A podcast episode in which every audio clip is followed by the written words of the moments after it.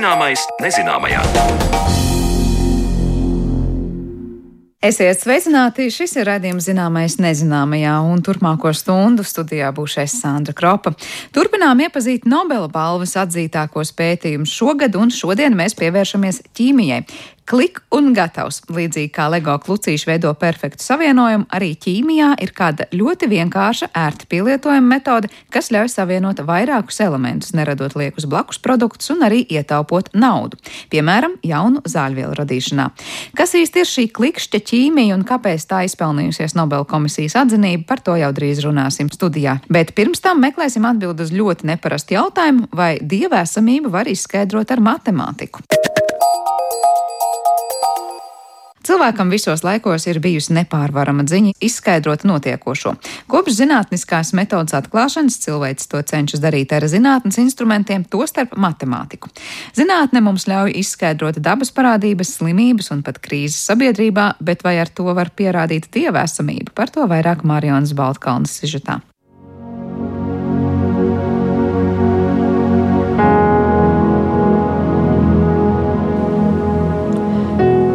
Cilvēks ir radīts pēc dieva tēla un līdzības, vai arī cilvēki ir radījuši dievu pēc sava tēla un vajadzību līdzības?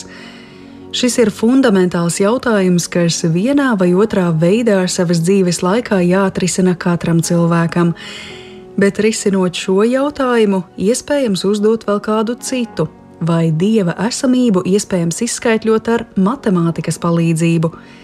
Uz sarunu par šo tematu esmu aicinājusi Vjačeslavu Kašķējevu, Latvijas Universitātes profesoru, kurš zinātnisko grādu kvantu fizikā saņēmis Telavivas Universitātē.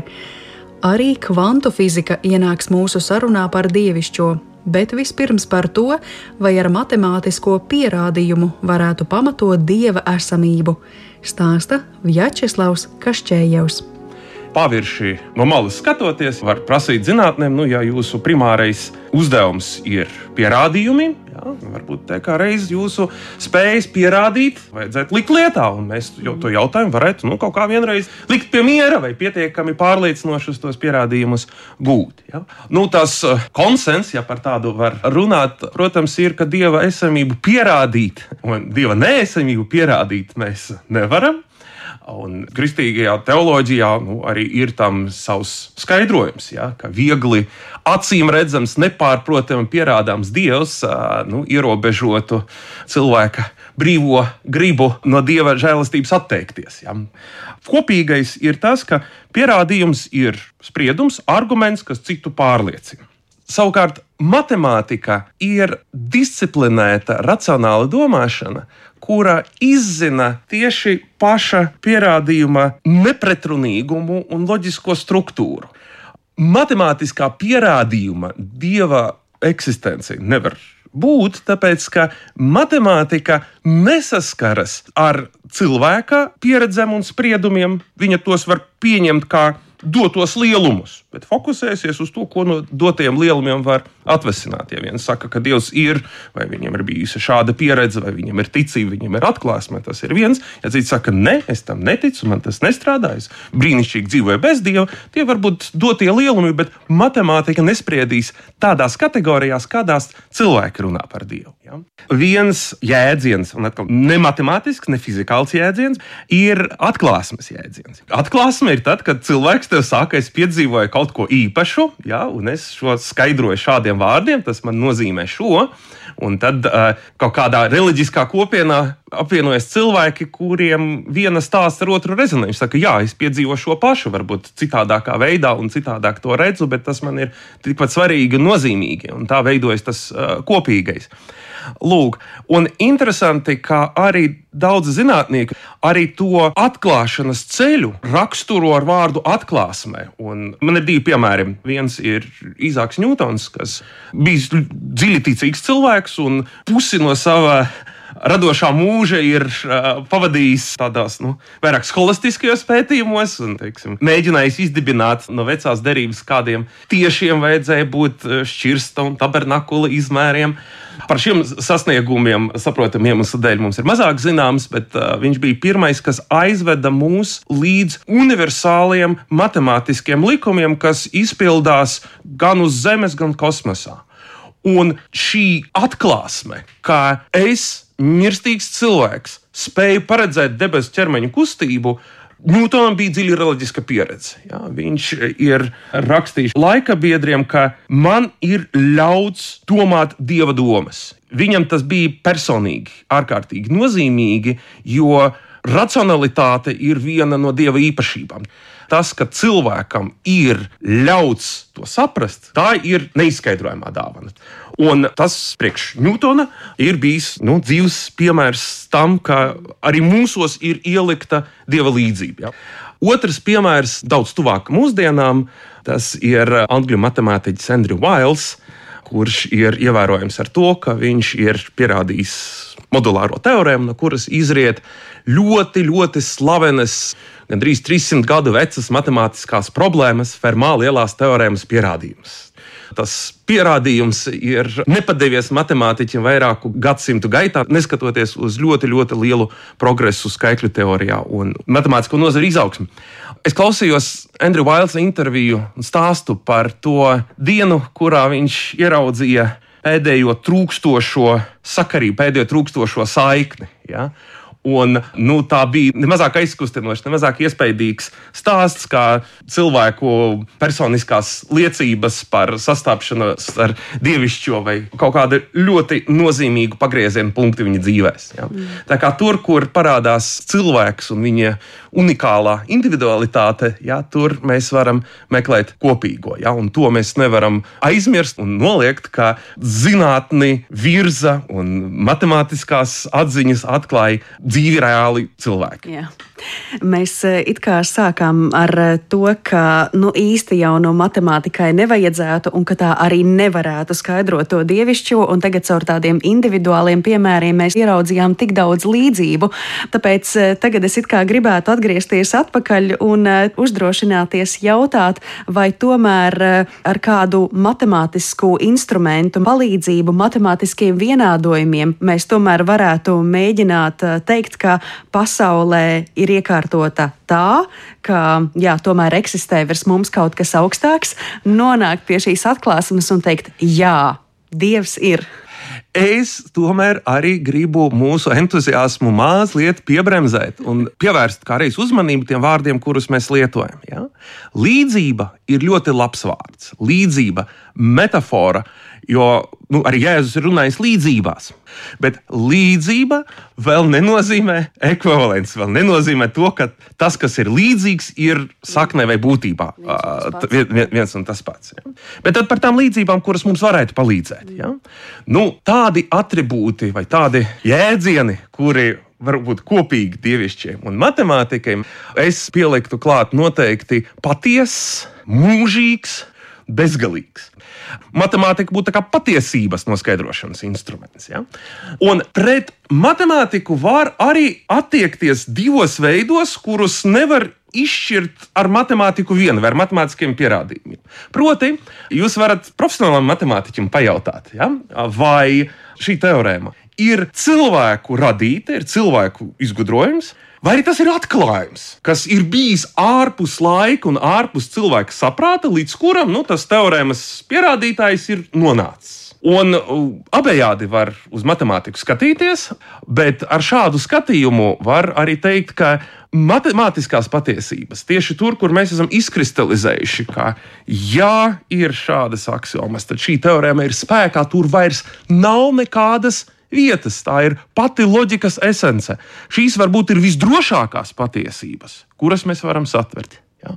Lūk, un šī tāda absolūtās patiesības pieredze, tā arī varbūt ir tas, ko cilvēki saista ar kaut ko īpašu un dievišķu. Bet uh, jūs, Vjačeslav, tad, kad minējāt šos attribūtus, pieminējāt arī bezgalību. Un te man gribas jautāt, bet tiešām no matemātiķiem taču ir tik daudz attribūtu bezgalības zīme. Tagad es sāku tīt uh, lentīti atpakaļ prātā savas algebras stundas. Tad bija imaginārie skaitļi Tad bija kvadrātsakne, no kuras reizēm nevar precīzi izvilkt. Un liekas, ir tik daudz attribūtu, lūdzu, un tas nepasaka neko konkrētu, un vai tā nebūtu arī tā tiešā atbilde vai mēģinājums skaidrot to dievišķo? Tas, ko jūs pieminējāt, Šodien var tā ar smaidu, vai es tā, tā mazliet pamācoši ar profesoru tādu smīnu, saku, tie vēl ir ziediņi, atnāciet pie mums uz fizmatiem, ne tādus vien brīnumus redzēsiet. Ja? Bezgalība, protams, ir absolūti fascinējošs uh, koncepts pats par sevi. Tās apgāztais astotnieks, tāds simbols, zīme. Šeit atkal ir uh, svarīgi nepalaist garām konceptuālu atšķirību starp valodām simbols reliģijā ir izšķirošs. Jā, teiksim, nu, kristietībā krusts kā simbols ir tik ietilpīgs, tik svarīgs. Jā. Savukārt, matemātikā simbols ir tikai apzīmējums. Es varu kaut vai smailiņu likt vietā. Galvenais, ka es esmu precīzi atšķiris, ar ko šīs smaidiņš atšķiras no citiem, un kādi ir tā lietošanas nosacījumi, kādām axiomām šis smaidiņš pakļaujas. Bet par tām bezgalībām, ja? nu, tas varbūt slavenais paradoks par Bertrānu Raselu, kas bija izcils matemātiķis un filozofs 20. gadsimta pirmajā pusē, par viņa bārdzini.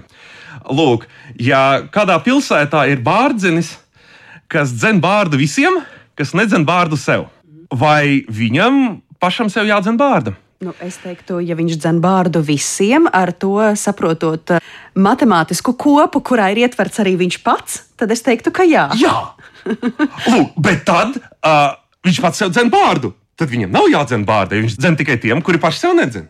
Welcome! Un atbildi uz šo paradoksu, ka nemaz nav tik vienkārši pareizi nodefinēt kopu. Visi, kas un tad seko īpašība, nedzen bārdu sev, nedefinē kopu. Un tas ir bijis atslēga tā saucamajai kopu teorijai, kura ievieš nevis vienu, bet veselu hierarhiju ar bezgalībām. Un vai mēs vienmēr varam pārliecināties, ka matemātiskās patiesības ir nepretrunīgas, tas ir bijis ļoti būtisks un svarīgs periods matemātikas vēsturē. Matemātikā vienmēr būs teorēmas, kuras ir patiesas, bet kuru pierādījumu šīs matemātikas ietveros nevar sniegt pašas matemātikas nepabeigtība un nenoslēgtība bija nu, arī matemātiķiem, kas varbūt netic dievam, tāda ļoti nu, dzīves pamatus satricinoša atziņa. Nu, vismaz eh, kāds eh, pavadiens mums ir, bet es nevaru nepajautāt par vēl vienu. Proti, ir taču arī diskusijas par to, vai viens plus viens vienmēr ir divi. Un, ja es šo stāstu izvēršu mazliet tālāk, viens plus viens plus viens, vai tas vienmēr ir trīs? Vai tas dažkārt arī varētu būt viens. Un te man gribētos no prieka saberzēt rokas un teikt, nu redz, ja viens plus viens plus viens ir reizēm arī viens, nevis trīs, tad tas mums ir stāsts par ko? Par svēto trīsvienību, kur trīs ir viens un viens ir trīs šo skaitīšanas procesu pa vieniniekam, kā metaforu ceļam pie dievišķā un dievišķā paradoxālo dabu, jau arī izmantojis mūsu izcilais uh, dzinieks uh, Imants Ziedonis. Ja. Pirms pieciem gadiem no jauna izdeva viņa dzīvoļu krājumu, tad tas citāts ir visa krājuma nosaukumā izcelts. Es skaitīju un nonācu pie viena. Izrādās, ka imanta ziedoņa skaitīšanai mēs varam atrast atsauces matemātikā.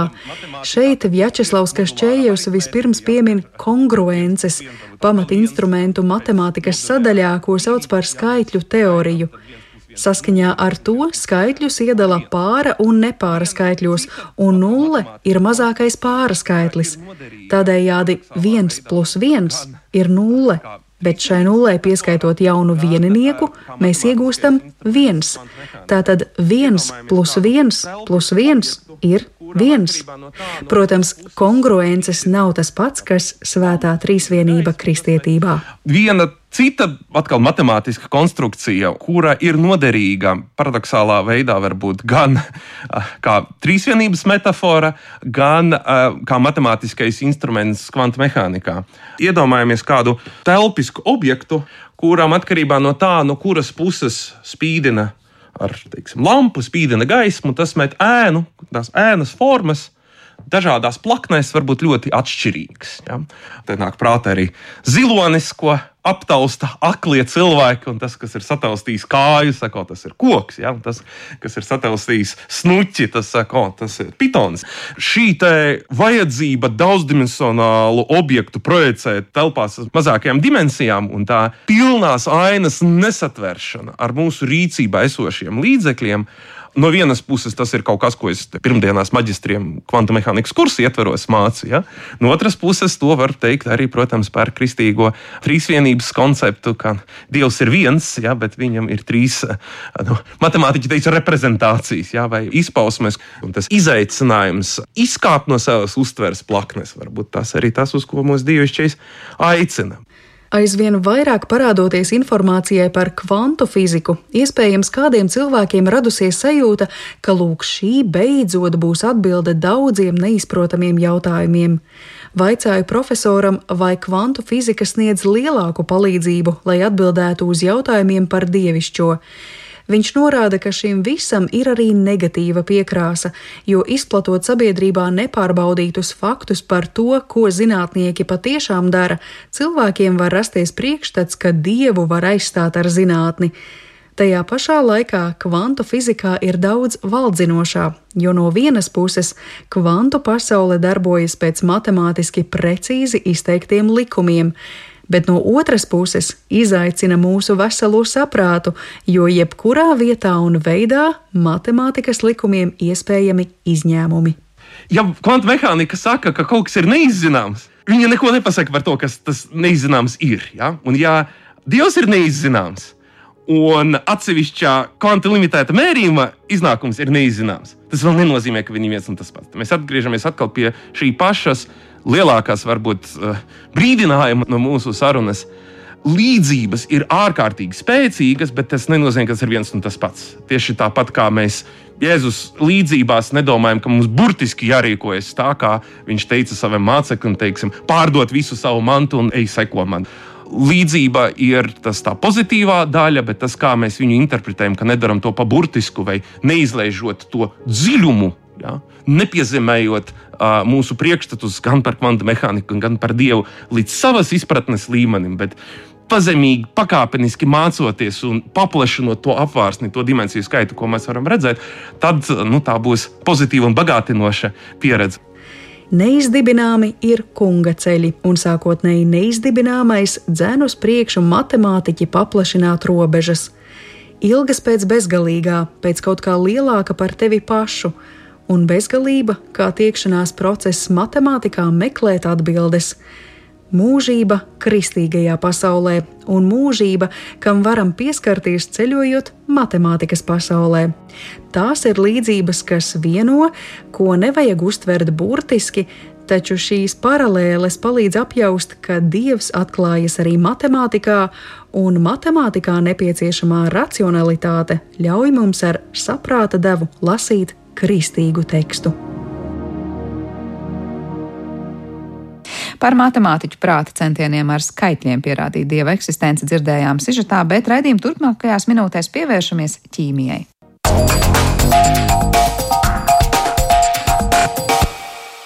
Turpinot iepazīt šī gada Nobela prēmijas atzītos pētījumus, šodien nonākam līdz ķīmijai. Un klikšķa ķīmija, kas līdzīgi tam, kā darbojas LEGO klucīši, šādu salīdzinājumu piedēvē pētījumiem, kas ļāvuši radīt vielas savienojot tos elementus kopā.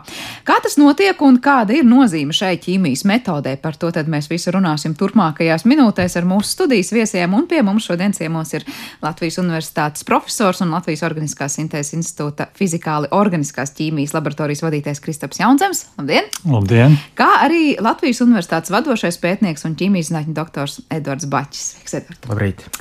Sākšu ar to, ka, par ko ir šis, šī gada prēmija piešķirta, un vai tas ir kaut kas, ko ķīmiķu pasaule sen gaidīja, vai tas ir kaut kāds pārsteigums. Kristaps. Es teiktu, ka šis ir viens no tematiem, par ko ķīmiķu pasaule gaidīja, ka būs Nobela prēmija. Um, jāsaka, gan ka tieši šogad es teiktu, ka vairāk bija tās nu, aktuālās lietas, uh, kas ir saistītas ar Covid pandēmiju. Uh, par kurām bija nu, tādas aizdomas, ka drīzāk varētu būt Nobela prēmija. Jā, jo uh, RNS vakcīnas, uh, tad, uh, nu, tas ir ļoti nozīmīgs atklājums, kas ir bijis, kas ir devis ļoti nozīmīgu ieguldījumu pandēmijas pārvarēšanā tieši pēdējos divos gados. Um, tā kā es, es būtu domājis, ka par to, uh, vai arī otrs variants, arī, arī um, tā saucamā jaunās paudzes sekvenēšana um, bija ļoti nozīmīga, lai izsekotu vīrusa variantiem. Uh, Un arī par to tiek sagaidīts, ka, ka iespējams šogad tiktu piešķirta Nobela prēmija. Šī ir varbūt tāda, kas ir nedaudz aizkavējusies, bet zināms arī, ka Nobela prēmijas bieži vien, nu tā teikt, Um, no, no, ar, no, jā, pēc kaut kāda laiciņa, kad tas ir teikt, nu, laiks ir pārbaudījis to vērtību, nozīmi tam atklājumam. Par to, kas ir šis atklājums un kad tas īstenībā ir izdarījis, mēs tūdaļ parunāsim. Es tikai došu vēl arī Edvardam vārdu par to, vai arī bija līdzīgas domas, ka nu, kaut kas saistībā ar šo sekvenēšanu vai vakcīnām būs tas, kas izvirzīsies priekšplānā. Atšķirībā no Kristapa, neesmu tik ļoti tajā bioloģiskajā ķīmijas pusē iekšā. Bet tieši no sintētiskā ķīmiķa viedokļa, kurš domā, kā vislabāk konstruēt molekulas un to izdarīt uh, ātri, ērti, vienkārši. Es domāju, šis noteikti bija gaidīts eh, paziņojums. Nu, tad izstāstiet, kas tad ir tas, ko tas eh, nozīmē šī klikšķa ķīmija, ātri, ātri, vienkārši tikko teici. Eh, kas tas ir? Jā, nu, vislabākais ķīmiķis neapšaubām pie mums ir māte daba. Un Barijs Šārplis, prēmijas ieguvējs, jau 2001. gadā rakstīja, tā, tā kā daudzajos sintēžu ceļos katrā reakcijas solī nepieciešams unikāls enzīms, tad stratēģija kontrolēt reakcijas ar enzīmiem prasa milzu investīcijas laikā un resursos, lai šādus enzīmus izstrādātu. Un te pati jaukākā daļa ar dažiem miljardiem gadu un visu planētu, kas ir mātes dabas rīcībā, viņai ir bijis gan laiks, gan resursi, ko ieguldīt. Bet mums, kā ķīmiķiem, cilvēka laika skalā šādu resursu nav.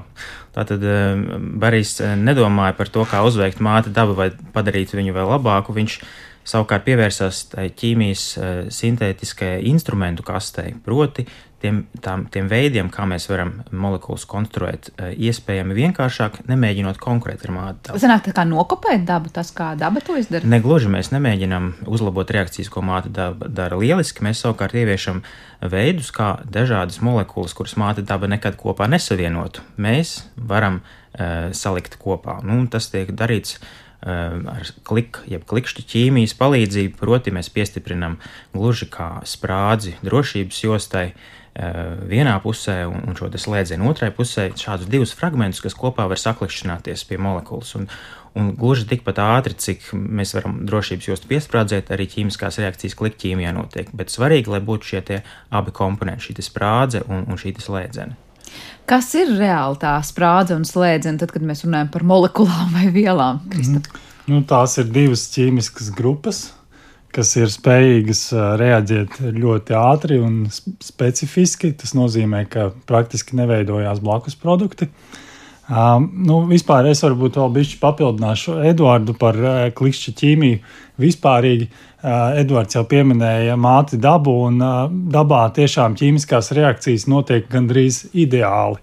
Uh, tas ir uh, ļoti ātri un arī nerodoties blakus produktiem, un ar ļoti augstu iznākumu.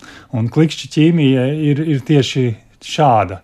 Tikai šajā gadījumā netiek izmantoti dabas katalizatori enzīmi, bet tiek izmantota nu, cita veida ķīmija, ko daudz vienkāršāk ir radīt un, un pielāgot uh, sintēzē vai darbam laboratorijā.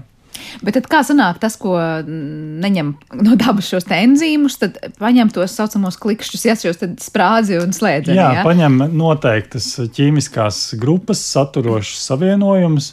Un tas tad, un, un pie tam reakcijas veids noteiktos apstākļos, tie gan ir vienmēr ļoti maigi apstākļi un, un līdzi, līdzīgi bioloģiskajai videi. Un, un tad tiešām notiek reakcijas ļoti ātri. Bet tās reakcijas notiek, un tās vielas turās kopā, neraugoties uz, tā, uz to, ka dabā viņas nebūtu kopā. Ja es saprotu, jo jūs mākslīgi, nu, ķīmiķi kā tādi radāt šo slēdzeni un, un sprādzi. Proti, liekas tā proti, savādi, kāpēc tad turās kopā un dabā neturās pats jā, par sevi kopā. Komplekts sprādzi un slēdzeni, kad tie saslēgti, būtu dabā nebūtu atrodams. Bet tas ir tieši rezultāts šīm divām Kristapam minētajām funkcionālajām grupām, kuras savā starpā iedarbojas, veidojas tā saucamais triezola cikls, kurš dabā varbūt retos gadījumos ir sastopams, bet diez vai ir rodās tādā pat veida, tāda pat veida reakcijās. Kas ir šīs vielas grupas? Nu, kaut kur dabā, piemēram, mēs varam līdzībās runāt un atrast kaut ko, kur tas strādā. Um, nē, būs grūti tā dabā kaut ko tieši tādu atrast. Par spīti tam, ka tās ir ārkārtīgi vienkāršas. Jā, tas tās ir, ir reaģētspējīgas. Bet labi, ja mēs runājam par piemēru, kur mēs jau iegūstam tādu vielu, kur mēs to lietojam, nu, kur tādas ir mums jāsauc, varbūt vārdā šīs divas grupas. Tā Jā. ir azīta grupa, kurā trīs slāpekļa atomi ir vienā virknē sastājušies, un, un tālāk ir pārējā molekulas daļa, un otrā ir tā saucamā alkīna daļa, kur ir ogleklis ar otru oglekli, starp kuriem ir trīskāršā saite. Par alkīniem noteikti skolā ļoti daudz ir mācījušies. Un neko neatcerās. Atcerās to, ka ļoti skaisti dzīmē šīs trīskāršās saites, eh, bet alkīni varētu būt kaut kādā mazā sastāvā naftas produktos sastopami tiešā veidā iespējams, bet azīdi eh, tie ir pārāk rēģētspējīgi, lai pastāvētu. Bet azīdi visticamāk ir saistīti ar sprāgstvīlu ražošanu un, eh, manuprāt, arī Eh, automašīnu drošības pilvenos ir azīda, azīda savienojumi, kas rada lielu eksploziju, kā rezultātā izrādās daudz slāpekļa. Nu, šeit mēs to enerģiju pārvēršam jaunās ķīmiskās saitēs. Jā, tas, kas ir īpaši um, Berijs Šārplis, viens no Nobela prēmijas saņēmējiem, šo uh, Eh, reakciju salīdzina ar tādu uzvilktu atspēri. Tas nozīmē, ka šos divus reaģentus saliekot kopā, tur, tur, veid, nu, tur izdalās tik daudz enerģijas, ka tur vienkārši nav nu, variantu. Tā atspēri iet vienā, varia, vienā virzienā ļoti ātri. Tā reakcija nu, notiek ar augstu efektivitāti. Tas nozīmē, ka tā reakcija pat tiešām notiek momentāli līdzīgi kā atspērs vai, vai, vai eksplozijas. Jā, jā tur uh, Berijs Šārples arī um, vienā no intervijām uh, runāja, ka uh, tad, kad viņi strādāja pie šīs reakcijas atklāšanas, tad viņi sajauca izēvielas un, um, lai kontrolētu reakciju, viņi uzņēma kodola magnētiskās rezonanses spektru, nu, vienkārši uh, spektru, kas pasaka, vai kāda savienojuma tur ir tajā um, šķīdumā. Un viņš uh, teica, ka viņi uzņēma spektru uzreiz pēc šo vielu saņemšanas un domāju, ka tās ir izēvielas. Bet izrādījās, ka jau, jau, jau, jau tas bija jau produkts, un tajā reakcijas gaitā, ko viņi domāja, ka notiek reakcija, patiesībā nekas nemainījās, jo produkts jau bija radies, var teikt, momentāni. Jā, pat nepamirkšķinot acis, vai ne? No, no sākuma mēs jau tikām līdz rezultātam. Bet kur pielieto šādas vielas, kuras tad ar šo klikšķi ķīmiju iegūst? Ir kādas konkrētas industrijas? Nu, Labi, tu minēji par šo drošības pilvenu, bet tas laikam tikai lai ilustrētu to ātrumu, kādā notiek jā, reakcija. Bet pašas vielas. Pašas vielas ļoti plaši izmanto, lai veidotu jaunas molekulas, kā zāļu vielas. Tātad bibliotēkas, ar kuru palīdzību mēs varam kombinēt ļoti dažādus fragmentus no vienas puses. Ļoti dažādas no otras puses, un novērtēt šo abu fragmentu aditivitāti kaut kādu īpašību ziņā.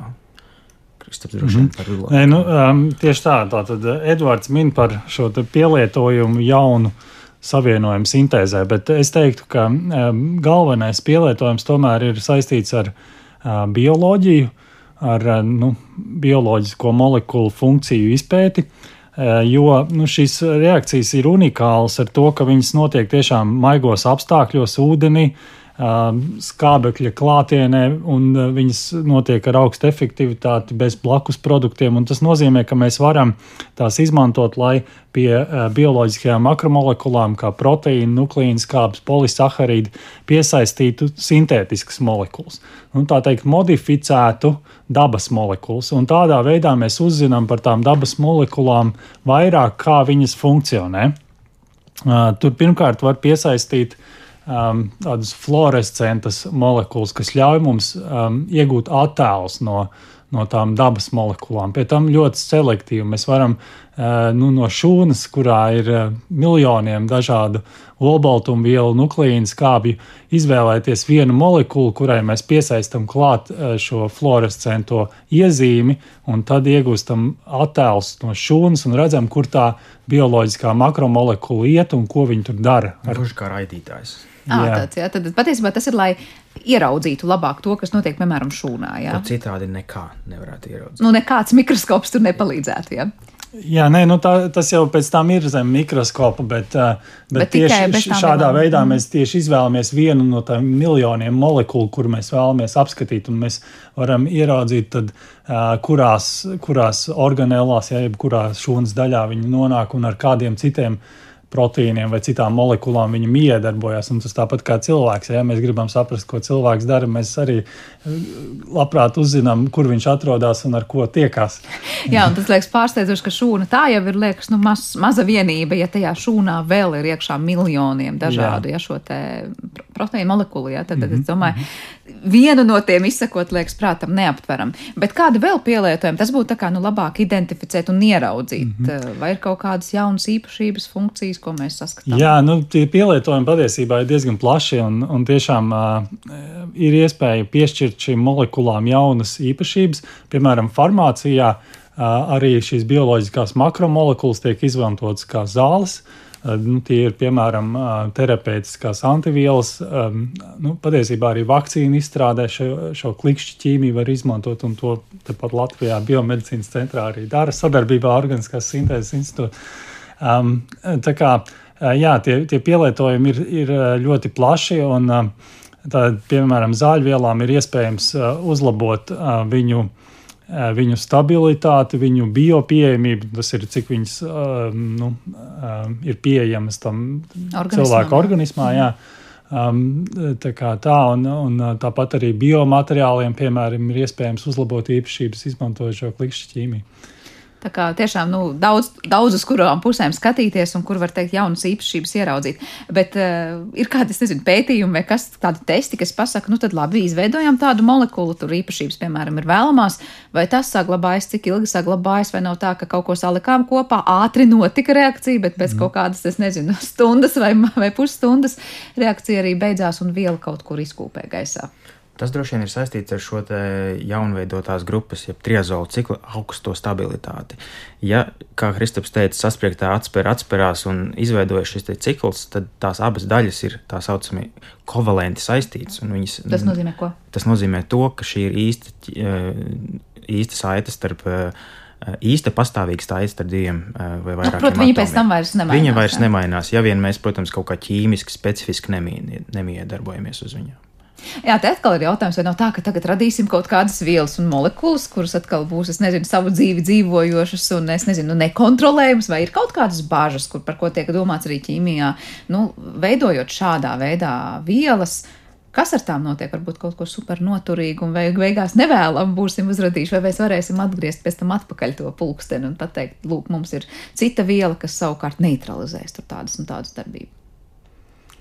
Nē, negluži šajā gadījumā tāds, nu, tas produkts tāpat tiek pētīts. Un, nu, ja, ja ir runa par zāļu vielām, tad, protams, arī biokonjugācijas, jeb klikšķa ķīmijas rezultātā iegūtajām zāļu vielām ir jāaiziet visas kliniskās pārbaudes. Parasti jau tā, tā saistīšana ar to ķīmiski iegūto sintētisko molekulu. Um, nu, notiek ar, ar to domu, ka tur beigās radās kaut kas, kas ir zāļvielām piemērots. Jā, un, piemēram, nu, viens, no, viens no piemēriem būtu, ka šīm te terapeitiskajām antivielām bieži vien piekabina tādas nelielas polimēru ķēdītes, kas tad ļauj tām, tiem, tiem, tām zāļvielām nu, ilgāk cirkulēt asinsritē. Jā.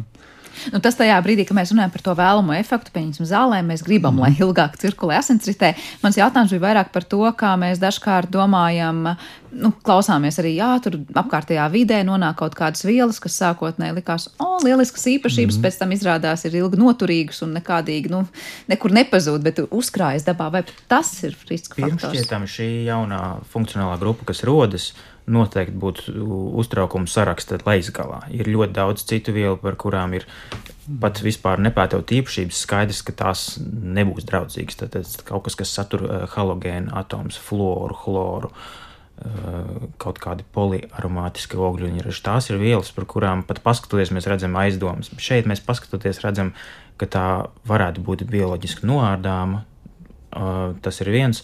Otrakārt, šis cikls ir hidrofils, tas, tas miedarbojas ar ūdeni, padara vielu labāk šķīstošu ūdenī. Tātad tas arī ir viens priekšnosacījums, lai kaut kas neuzkrātos vidē. Bet, protams, izslēgts nav, ka visā ģimenē atradīsies kāda melnāvs. Jā, nu par to droši vien pētīs Kristofers Zvēja, ko piebilst. Es tikai varbūt to varu pateikt, vēl, ka nu, šie, šie reakciju produkti, vispār klikšķi ķīmija, nu, netiek izmantot tik milzīgos apjomos. Tas pamatā ir tomēr Uh, nu, tāds smalkāka inženierija. Jā, tā ir tāda smalka, jā, jā. jā. Tā, tā, Es gribēju vēl vaicāt, kad tas viss īstenībā sākās. Es saprotu, ka šogad pie prēmijas tiek jau jūsu piesauktais Berijs Šarples, bet kopā ar viņu vēl ir citi kolēģi. Viņi visi kopā strādāja vai katrs pa sevi, un tad beig beigās tā kā ļoti bieži sanāk, katrs savā pasaules malā kaut ko dara un saliek kopā. Un ir, vai, vai kā ir? Citāts, ko nolasīju no Berija Šārples 2001. gadā publicētās vīzijas par klikšķu ķīmiju, un 2002. gadā, kā Kristaps minēja, tikai tika atklāta šī pati svarīgā klikšķa reakcija. Tātad viņam Bet vīzija, viņš to izdarīja. Bet to izdarīja viņš vienlaikus ar Mortenu Meldālu, kurš eh, atšķirībā no Berija ir dāņu zinātnieks, Berijs ir eh, amerikāņu zinātnieks. Savukārt eh, dažus gadus vēlāk, 2003. gadā, Karolina Bertoci, astotā sieviete, kas iegūst Nobela balvu ķīmijā, Amerikā, Bostonā atklāja šos pielietojumus dzīvās šūnās, to bioortogonālo ķīmiju. Tad patiesībā tā secīgi attīstījās patiesībā šie atklājumi un šie visi trīs. Jā, un visai, pētnieki. manuprāt, īstā laika posmā, kā Kristaps teica, dažkārt tiek gaidīts ilgi un dikti, un cilvēki pat nesagaida, bet Karolīna Bertocija šobrīd ir 56 gadi. tā kā, es Ļoti jauna, vai ne, Viņas karjera plaukst un zels vēl ilgi, tā teiktu. Bet vai tā ir tiesa, ka Berijs Šarplis ir otrais Nobelpremijas laureāts? Viņam patiesībā ir divas jau, tad sanāk Viņam Nobelpremijas. jau ir 2001. gadā saņemta Nobela prēmija par asimetrisku oksidēšanu, kas eh, ļauj iegūt molekulas ar noteiktu stereoķīmiju, jeb telpisko uzbūvi. Tātad tās molekulas, kuras kā spoguļattēli. Nu, tam ir ārkārtīgi plašs pielietojums sintētiskajā ķīmijā, šārplēsā epoksidēšana, kas ļauj tālāk pārvērst vielas ļoti daudz citās vielās. Jā, tā kā tas laikam ir salīdzinoši rets gadījums, ja, kad divas reizes viens pētnieks tiek pie Nobelpremijas Jā, tik īsā jā, laikā. ja runā laureāts. par Nobela prēmiju ķīmijā, tad ir tikai vēl viens uh, gadījums, ja es nemaldos. Uh, tas ir Sangers, uh, kas saņēma prēmiju par um, proteīnu sekvenču noteikšanu un arī par DNS sekvenču, no, ja nukleīnas kāpju sekvenču noteikšanu. Jā. Jā, tā kā nu, patiešām noteikti liels, liels panākums visiem šiem trim pētniekiem un Berijam Šārplusam pavisam noteikti. Es vēl gribēju pavaicāt par to, kādi līdzīgi pētījumi izmantojot šo te klikšķu ķīmiju notiek Latvijā. Kristaps jau te pieminēja šo Organiskās sintēzes institūtu sadarbību ar biomedicīnas pētījumu studiju centru. Kas ir tas, pie kā Latvijā strādā, izmantojot šīs lietas? Jā, nu, es teiktu, ka klikšķa ķīmija Latvijā nav ļoti plaši pārstāvēta, bet ir atsevišķi virzieni, kur tā tiek izmantota. Un, uh, tiešām viens no tiem ir um, uh, vakcīnu kandidātu radīšana, jeb izstrāde. Un, un tur uh, profesors Tārs no Biomedicīnas pētījuma studiju centra uh, sadarbojās ar profesoru Edgars Sūnu no Latvijas Organiskās Sintēzes institūta. Par to es ļoti labi zinu. Un tad uh, Organiskās Sintēzes institūtā mums ir arī viens pētījums par ķīmiski modificētu mākslīgo zirnekļu zīdu, kurā mēs mēģinām šim mākslīgajam zirnekļu zīdam piešķirt jaunas īpašības, kas, kas tam nav. Un, un to mēs darām tieši izmantojot klikšķi ķīmiju, jo tā mums ļauj tad, uh, nu, piesaistīt tādas molekulas, kas, kas dabā īsti neeksistē, un arī to veikt ar, ar augstu efektivitāti to reakciju. Tad man jautājums skan skaisti zirnekļa zīda pētījumi. Kas ir šie zirnekļa zīds? Jā, zirnekļa zīds pats par sevi ir tiešām unikāls dabas materiāls ar ļoti augstvērtīgām mehāniskām īpašībām, un tā pašā laikā tas ir bioloģiski saderīgs.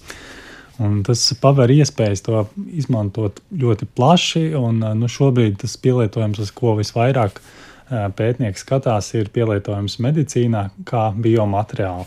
Um, Tātad no šī te, uh, zirnekļa zīda varētu veidot tādus ietvarus, kurus tālāk apaudzē ar šūnām, un tādējādi nu, var iegūt vai nu, nu audus, mākslīgus audus, mākslīgus muskuļus vai pat mākslīgus orgānus. Bet nu, tas ir droši vien nākotnē. nākotnes jā, tas- ceļš. tas vēl Bet nav. tas ir tāds kā nu, režģis, ap kuru tas veidosies skelets, jā, lai pēc tam Jā, veidotos, jā, jā, uh, tieši tā. Tātad mm, šis te eh, materiāls arī um, piesaista šūnas.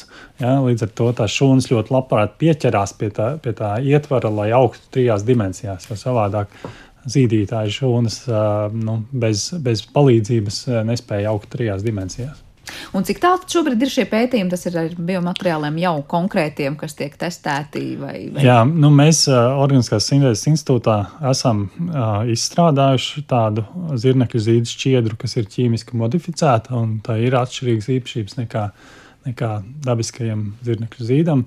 Uh, nu, mēs tos pielietojumus vēl pagaidām neesam izpētījuši, ja, bet uh, nu, tās, tās atšķirīgās uh, Ceļš mehāniskās īpašības mēs esam novērojuši. Bet biomateriālu pētnieki ir jau kaut kā ķērušies klāt vai izrādījuši interesi par šo? Mm, izrādījuši interesi ir, bet eh, ķērušies klāt pagaidām vēl nav. Šis ir, šis ir projekts, kas tik, tikko eh, tikai noslēdzās. Tagad augustā mēs viņu noslēdzām. Tad var teikt, tā šķiedra pati ir mm. radīta, bet ko ap to apaudzēt, tur vēl ir jā, jāpēt. Jā. Jā, Jāteic, ka arī mēs Latvijas universitātē neguļam uz lauriem. jā, lūdzu. jā. Vēl nezinot, ka klikšķīmija būs eh, Nobela balvas objekts, jau gadus divus, trīs pētam klikšķīmiju reakcijas jonu šķidrumos. Atcerieties, esam par to esam runājuši, bet ir vērts atgādināt. Jā. Jā, tā tad eh, mēs mēģinam pārliecināties, ka jonu šķidrumi, kā negaistoši, eh, draudzīgāki šķīdinātāji, eh, var būt piemērota vide klika reakcijām un klika ķīmijai. Un izpētīt, kāda tieši jonu kombinācijas nodrošina vislielāko klika reakcijas ātrumu, Eh, selektivitāti un, un, un citas svarīgas raksturlielumus. Bet es atceros, Edvards, mēs runājam par, ar tevi par zaļo ķīmiju saucamo, ja proti, ka arī ķīmijā mēģina saīsināt gan reakciju laikus, gan mm -hmm. izēvielu daudzumu un arī to toksicitāti un daudz ko mm -hmm. citu kaitīgumu. Patiesībā klikšķa ķīmija ir šīs zaļās ķīmijas piemērs. Patiesi, klikšķa ķīmija ir šīs zaļās ķīmijas piemērs, un pirms tā ieguva šādu plašu rezonanci, tā vispirms tika eh, skatīta kā eh, reakcija, kas notiek ūdenī, maigos apstākļos, bez toksiskiem smago metālu katalizatoriem. Labi, varš tur ir mazos daudzumos un, un, un tāds kompromisa variants. Eh, jā, tā tad tā atbilde visiem zaļās ķīmijas principiem - ātra, selektīva, mm, maigi apstākļi. Jā, tad izskatās tiešām tā ļoti ilgspējīga ķīmija, arī šī klikšķa ķīmija, kas radusi dzirdīgu savu šī gada Nobela prēmijas kontekstā. Eh, noslēdzot pamazām šo sarunu, atkal gribēju atgriezties vēlreiz pie tā, ko sākumā teicāt par šo dabu un to, ka daba ir bijuši miljardiem gadu, lai ko nu tur izstrādātu. Tad liekot punktiņus uz īsi, sanāk, ka no vienas puses jūs ar nu, ķīmiķi kā tādi, eh, ar šīs klikšķa ķīmijas palīdzību radāt vielas, kas citādi mums dabā vai nu veidojas ļoti, ļoti lēni, vai vispār neveidojas. Kā tad īsti sanāk? Jūs saliekat šobrīd kopā to, kas dabā īsti nepastāv. Nē, dabā ne, nepastāv. Jā. Mums jāatcerās, ka māte daba vielas rada ļoti labu nodomu. Viņa zina, kam tās būs vislabāk piemērotas. Un jāatcerās, ka šī klikšķīmija ir tikai viens lielisks instruments, un jaunas molekulas kā tādas jau nav pašmērķis. Tas, kas ir svarīgi, lai būtu jaunas īpašības. Un šis rīks to nodrošina. Bet kāpēc es vienkārši dažkārt domāju, ja, ja tas tik viegli notiek, kāpēc dabā nav nezinu, kaut kas, kas jau ar tādām īpašībām ir vai noteiktos apstākļos veidojas? Vai kādas ir jūsu pārdomas, varbūt pat tādas arī filozofiskas, ka nu, iegūstam kaut ko, kas liekas, o, tik lieliski un ātri strādā, un kāpēc dabā tas nepastāv vai nav, nav veidojies? Um, nē, nu, dabā ir tiešām, kā Edvards teica, dabā ir um, dažādas enzīmu katalizētas reakcijas, kas notiek. Um, arī varētu teikt, ideāli, jo klikšķa ķīmija, eh, nu, šī reakcija ir, ir gandrīz ideāla reakcija. Un tādas dabā ir, ir daudz, um, bet eh, daba tiešām to, to nu, savu uh, ķīmiju ir pielāgojusi tam, lai radītu tās molekulas, kas dabai ir nepieciešamas. Mēs, kā cilvēki, Jā. radām tās molekulas, kas mums ir nepieciešamas. Un arī šīs divas funkcionālās grupas, diemžēl, tās dabā brīvā veidā nespēja pastāvēt. Tās ir pārāk saspriegtas un, un tās atspērs lidot citos virzienos. Var teikt, apstākļi nesatiekas, lai, lai radītu šīs konkrētās grupas. Jā, nu, ķīmija laboratorijā satiekas un tās tiek radītas. Tiešām kaut kas, kas tiek patiesībā tikai pēc 2000 gadiem atklāts, izdomāts, ieraudzīts, ja, rod jau pielietojumu un arī, protams, šādi apbalvojumi. Lielas paldies jums par to, kā atnācāt un viesāt mums skaidrību par to, ko tad nozīmē šī klikšķa ķīmija, kas šogad īpaši uzmanību izpelnījusies tad Nobel prēmijas kontekstā. Un atgādina, ka mūsu studijā šodien viesojās Kristaps Jaunzems, tātad Latvijas Organiskās sintēzes institūta fizikāli organiskās ķīmijas laboratorijas vadītājs, Latvijas universitātes profesors un Edvards Baķis, Latvijas universitātes vadošais pētnieks, ķīmijas zinātņu doktors. Ar to arī raidījums ir izskanējis, un to producēja Paula Gulbinska par mūziku gādāja Girds Bišs, Kristīna Delbija skaņu režijā un es Sandra Kropa studijā. Vēlot mums visiem jauku un veiksmīgu dienu, no jums atvedos vislabāk!